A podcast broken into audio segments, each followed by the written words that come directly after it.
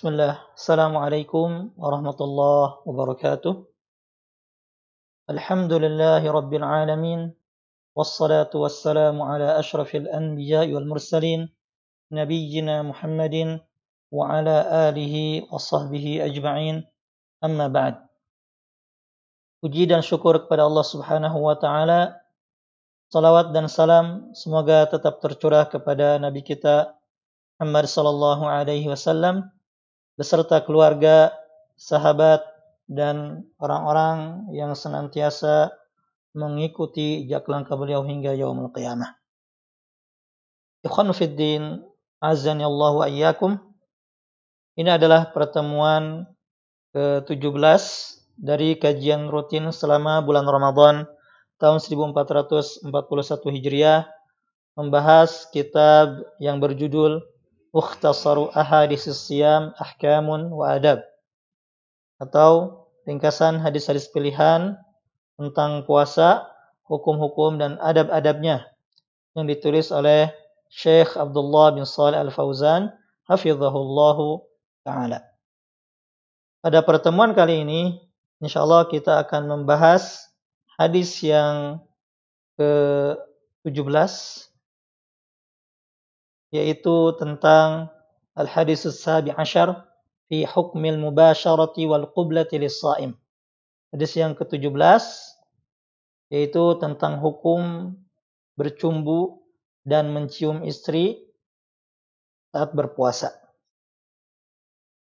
An Aisyah radhiyallahu taala anha qalat diriwayatkan dari Aisyah radhiyallahu anha ia berkata kana Rasulullah sallallahu alaihi wasallam yuqabbilu wa huwa shaim adalah Rasulullah sallallahu alaihi wasallam pernah mencium tentunya mencium istrinya dalam keadaan sedang berpuasa wa yubashiru wa huwa shaim beliau juga pernah mencumbui istrinya dalam keadaan berpuasa.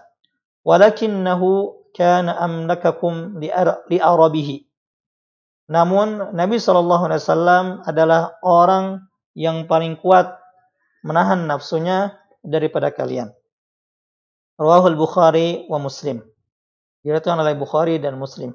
Wa fi riwayatin li Muslim kana yuqabbilu fi syahri shaum. Dalam dalam riwayat Muslim disebutkan beliau Shallallahu Alaihi Wasallam mencium istrinya di bulan puasa atau di bulan Ramadan. Penulis menjelaskan mengenai hadis ini, al hadisu dalilun ala annahu yajuzu lis-shaim ay yuqabbila zawjatahu wa an yubashiraha. Hadis ini merupakan dalil bolehnya orang yang berpuasa untuk mencium atau mencumbui istrinya. Wala farqa fi dzalika baina shaumil fardhi wan nafl. Tidak ada bedanya baik itu puasa wajib ya seperti puasa Ramadan atau puasa sunnah seperti puasa Senin Kemis, puasa Arafah dan puasa-puasa sunnah lainnya. Malam yakhsha taharruka syahwatihi wa nuzula syai'in minal mani likaunihi sari'ul inzal. Dengan catatan ya, bolehnya mencium istri atau bercumbu dengan istri saat berpuasa selama tidak khawatir syahwatnya naik dan keluarnya air mani karena air mani itu cepat keluar.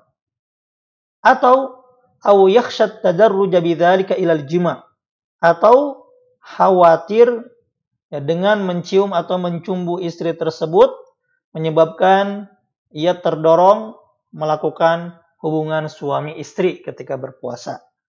Maka jika kondisinya seperti itu, ya khawatir eh, sahwatnya naik atau khawatir air maninya keluar atau khawatir melakukan hubungan suami istri di siang hari bulan Ramadan atau ketika berpuasa, maka jika keadaan tersebut fa innahu yajibu alaihi tarkut taqbil wal mubasyarah sadzan lidzari'ah. Maka jika kondisinya seperti itu, ia wajib untuk tidak mencium. Tidak boleh mencium dan mencumbu istrinya ya, sebagai uh, upaya pencegahan, upaya preventif agar tidak terjerumus ke dalam hal yang membatalkan puasa yaitu jima atau berhubungan suami istri. Wali anna siyam minal ifsad wajibun. Dan karena menjaga puasa agar tidak batal ada sebuah kewajiban. Wa ma la wajibu illa bihi fahuwa wajibun. Dan sebuah kewajiban yang tidak sempurna kecuali dengan sebuah perkara, maka perkara tersebut menjadi wajib. Ini apa? Ya. Orang yang berpuasa itu wajib menjaga puasanya dari hal-hal yang membatalkan puasa dan di antaranya adalah berhubungan suami istri. Nah, karena berhubungan suami istri ini wasilahnya atau sarananya sarananya di antaranya adalah bercumbu atau berciuman dengan dengan istri, ya jika hal tersebut mengantarkan atau menyebabkan ia berhubungan suami istri, maka wajib untuk dihindari, ya tidak berciuman dan juga tidak tidak bercumbu atau bermesraan dengan dengan istri. Wali anna Nabi sallallahu alaihi wasallam amara al-mutawaddi'a bil mubalagha fil fil istinshaq illa an yakuna sha'ima. Dan karena Nabi sallallahu alaihi wasallam memerintahkan kepada orang yang berwudu untuk berlebih-lebihan ketika menghirup air ke hidung ya, kecuali dalam keadaan berpuasa. Artinya ya ketika berpuasa itu dihindari berlebih-lebihan dari menghirup air ke hidung. Sebabnya apa? Li'alla yatasarrabal ma'u ila jawfi. Agar tidak ada air yang menetes atau masuk ke kerongga tubuh ya melalui hidung. Nah, jika seandainya ketika berwuduk saja ya, ketika berpuasa itu dilarang berlebih-lebihan uh, menghirup air ke hidung agar tidak ada air yang masuk ke dalam rongga tubuh sehingga bisa membatalkan puasa. Fakadha yumna'u minal qublah idza kanat dhari'atan ilal jima' al-mufsid lisawm. Begitu juga ya berciuman atau bermesraan dengan suami atau dengan istri ya jika hal tersebut ya menyebabkan atau menjadi sarana ya untuk berhubungan suami istri yang mana bisa membatalkan puasa. Nah, jadi bolehnya berciuman atau bermesraan atau bercumbu dengan istri itu boleh jika aman eh, jika tidak khawatir syahwatnya naik atau jika tidak khawatir eh, tidak menyebabkan hubungan suami istri. Ya, aman dari hal tersebut atau keluarnya mani. وقد دل على هذا قولها رضي الله عنها ولكنه كان أملككم لأربه dan hal ini penjelasan tadi ya ditunjukkan oleh ucapan Aisyah radhiyallahu taala anha yang mana beliau mengatakan walakinnahu kana amlakakum li arabihi. Namun Nabi Shallallahu alaihi wasallam adalah orang yang paling kuat menahan hawa nafsunya daripada kalian. Ya, wal arabu bi fathil hamzah warra huwal wataru wa hajatun nafs. Al arab pakai hamzah ya. Hamzahnya dibaca fathah dan juga roknya dibaca fathah atau dibaca al arab. Ya, artinya adalah al wataru wa hajatun nafs.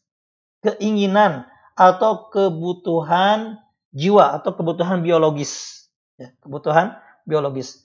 Wal irbu bikasril hamzah wa sukunir ra wal udwu wa yutlaqu 'ala al hajah. Sedangkan jika dibaca dengan kasrah hamzahnya dan ra-nya disukunkan yaitu al irbu maknanya adalah udhun atau anggota badan. Dan juga dimutlakan atau juga dipakai untuk istilah kebutuhan. Ya artinya kebutuhan biologis. Ya itu. Apa makna ucapan Aisyah radhiyallahu taala anha tadi? Bahwasanya Nabi wasallam adalah orang yang paling kuat yang menahan hawa nafsunya. Eh, artinya annahu yanbagil ihtiraz minal qublah. Artinya ini menunjukkan ya harus waspada dan hati-hati dari berciuman atau bermesraan atau mencumbu ketika berpuasa. Wala tatawahhamu annakum mithlu Rasulullah sallallahu alaihi wasallam fi istibahatiha. Jangan jangan mengira kalian ini seperti Rasulullah sallallahu alaihi wasallam tatkala ya uh, kalian membolehkan atau memperbolehkan untuk uh, untuk bercumbu atau mencium istri. Mengapa? Li'annahu yamliku nafsahu. Karena beda Nabi SAW yaitu bisa menahan nafsunya. Ya. Tidak sampai terjerumus ke dalam hal yang bisa membatalkan puasa. Wa ya'manu an yatawallada anha syai'un. Dan aman dari terjadinya ya, sesuatu dari ciuman atau bermesraan tersebut. Artinya yang bisa membatalkan puasa. Fafihi isyaratun ila anna man la yamliku arabahu fa innahu yadurru dzalik. Nah, dari ucapan Aisyah tadi terdapat isyarat ya bahwa orang yang tidak bisa menahan nafsunya ketika berpuasa kemudian mencium istrinya atau bermesra dengan istrinya atau mencumbu istrinya ya. Jika orang yang tidak bisa menahan nafsunya maka itu akan membahayakan dirinya. Artinya apa? Ditakutkan akan membatalkan puasanya ya, dengan misalkan hubungan suami istri atau dengan keluarnya air mani ya. Dari ciuman atau bermesraan atau cumbuan dengan istrinya tersebut. Kemudian penulis juga menjelaskan tentang uh, hal lain ya, yang disebutkan dalam hadis tadi adalah wal muradu bil mubasyarah iltiqaul uh, bishrataini atau basyarataini. Dan dimaksud dengan mubasyarah adalah ketemunya dua kulit, ya, dua kulit, maksudnya suami istri dan bisa diterjemahkan dengan bercumbu atau bermesraan. Fahiya ammu minat takbil. Ini lebih umum dari hanya sekedar mencium. Wa tutlaqu 'alal jima' dan terkadang dalam bahasa Arab kata mubasyarah itu dipakai untuk istilah jima atau berhubungan suami istri. Lakinnahu ghairu muradin huna. Namun kata mubasyarah dalam hadis ini bukan bermakna jima, ya bukan bermakna hubungan suami istri, tapi bermesraan atau bercumbu. Wa dzikrul mubasyarah ba'da taqbil min dzikril 'am ba'dal khas. Dan penyebutan mubasyarah atau bercumbu dalam hadis ini setelah penyebutan uh, ciuman ini uh, seperti penyebutan am, sesuatu yang umum, setelah penyebutan sesuatu yang khusus. Jadi bercumbu itu ya, lebih umum daripada berciuman. Karena berciuman itu ya lebih khusus daripada daripada bercumbu. Dan takbil akhassu minal mubasyarah. Karena mencium itu lebih khusus dari dari mubasyarah atau dari mencumbu. Ya, seperti itu. Eh, kemudian penulis menjelaskan, ya, jika seseorang misalkan mencium istrinya uh, atau bermesraan dengan istrinya, ya maksudnya bermesraan yang bukan jima, ya, yang bukan berhubungan suami istri, uh, namun hanya sampai misalkan keluar air mani. Apa yang harus dilakukan? Apa konsekuensi bagi orang yang berpuasa tersebut? Penulis menjelaskan, as-sha'imu aw bashara wa kharaja minhu maniyun fasada sawmuhu wa alaihi al-qada ala qawli jumhur wala kaffarata alaih. Jika seseorang yang sedang berpuasa mencium atau bermesraan dengan istrinya atau mencumbu istrinya sehingga air maninya keluar, maka konsekuensinya pertama, fasada sawmuhu. Puasanya batal. Karena keluar air mani itu adalah salah satu pembatal puasa. Selain itu, yang kedua wa alaihil qada.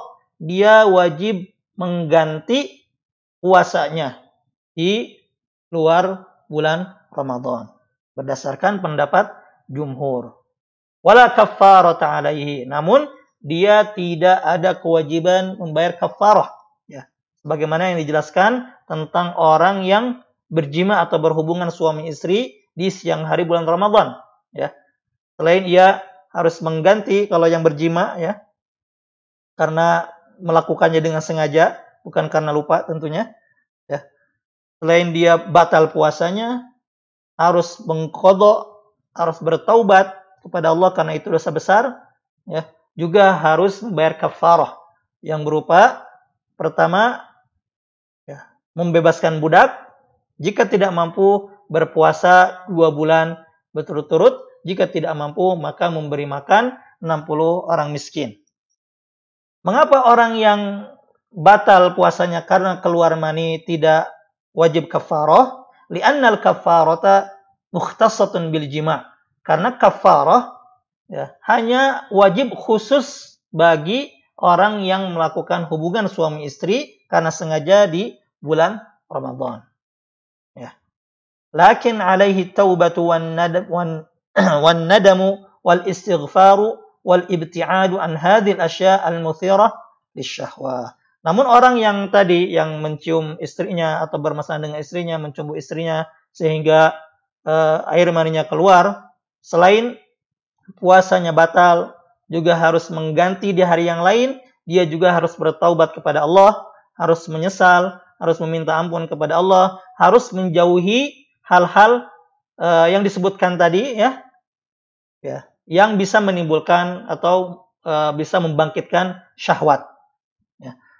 Mengapa li'annahu fi ibadatin azimah karena orang yang sedang berpuasa itu sedang berada dalam kondisi ibadah yang sangat agung itu ibadah puasa dan di bulan Ramadan apalagi ya yang mana Allah taala berfirman dalam hadis qudsi Yada'u ta'amin ajli. Ia tinggalkan makanan atau tidak makan karena aku. Wa yada'u syarab min ajli. Ia tinggalkan minuman atau tidak minum karena aku. Wa yada'u min ajli. Ia tinggalkan kenikmatannya karena aku. Wa yada'u zaujatahu min ajli. Ia tinggalkan istrinya atau tidak bersetubuh atau berhubungan dengan suami istri karena aku.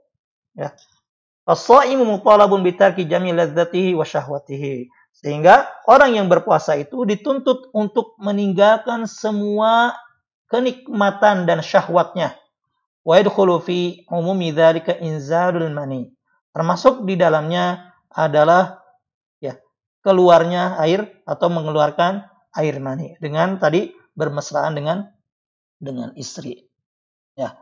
Jadi eh, penjelasan barusan ya menunjukkan bahwa keluarnya air mani ya, yang disebabkan berciuman dengan istri atau bermesraan dengan istri atau ya mencumbu istri itu jika sampai mengeluarkan air mani itu membatalkan puasa dan harus dikodok di hari yang lain juga dia harus bertaubat ya, dari hal-hal yang bisa membangkitkan syahwatnya ketika berpuasa.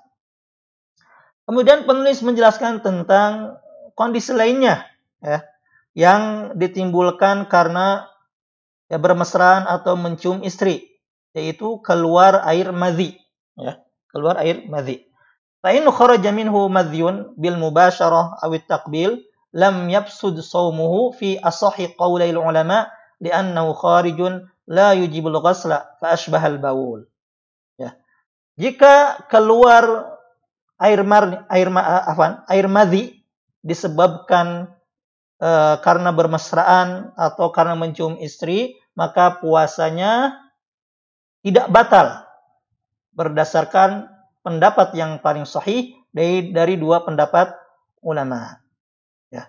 Mengapa? Karena li'annahu kharijun la yujibul ghusl. Karena air madhi itu sesuatu yang keluar dari kemaluan yang tidak menyebabkan mandi wajib. Ashbahal baul. Maka hukumnya seperti keluarnya air kencing yang cukup tinggal dibersihkan. Lalu apa bedanya mani dengan madhi? E, mani adalah cairan yang keluar dari kemaluan dengan dibarengi dengan syahwat. Ya, dibarengi dengan syahwat atau dibarengi dengan apa? Dengan kenikmatan. Baik itu karena e, mimpi basah atau karena berhubungan suami istri atau karena istimna atau onani atau karena bermesraan dengan dengan istri seperti yang disebutkan sebelumnya. Nah, keluarnya mani ini mewajibkan kepada seseorang untuk mandi wajib. Ya, sedangkan madhi, madhi adalah e, cairan yang keluar dari kemaluan yang keluar ketika adanya dorongan syahwat. Dorongan syahwat namun tidak disertai dengan dengan kelezatan. Ya. E, bedanya kalau mani itu harus mandi wajib ya, keluar dengan nikmat. Sedangkan madhi itu keluar karena ada, ada dorongan syahwat dan tidak ada kenikmatan namun tidak menyebabkan wajib mandi. Jadi itu hukum hukum madhi. Ya keluarnya madhi karena karena bercumbu atau mencium istri. Kemudian penulis memberikan nasihat di akhir pembahasan ini, wa bagi lis-shaim an yahris 'ala ijtinabi kulli ma yuqi'a kulli ma yuqi'u fil mahzur wa yukhillu bis-shaum aw yunqisu min thawabihi uyan kusumin sawabihi. Uh, maka orang yang sedang berpuasa seharusnya ya uh, antusias atau seharusnya berusaha untuk menjauhi segala sesuatu yang menyebabkannya terjerumus pada hal-hal yang dilarang ketika berpuasa atau ya menghilangkan nilai puasa itu sendiri atau mengurangi pahalanya.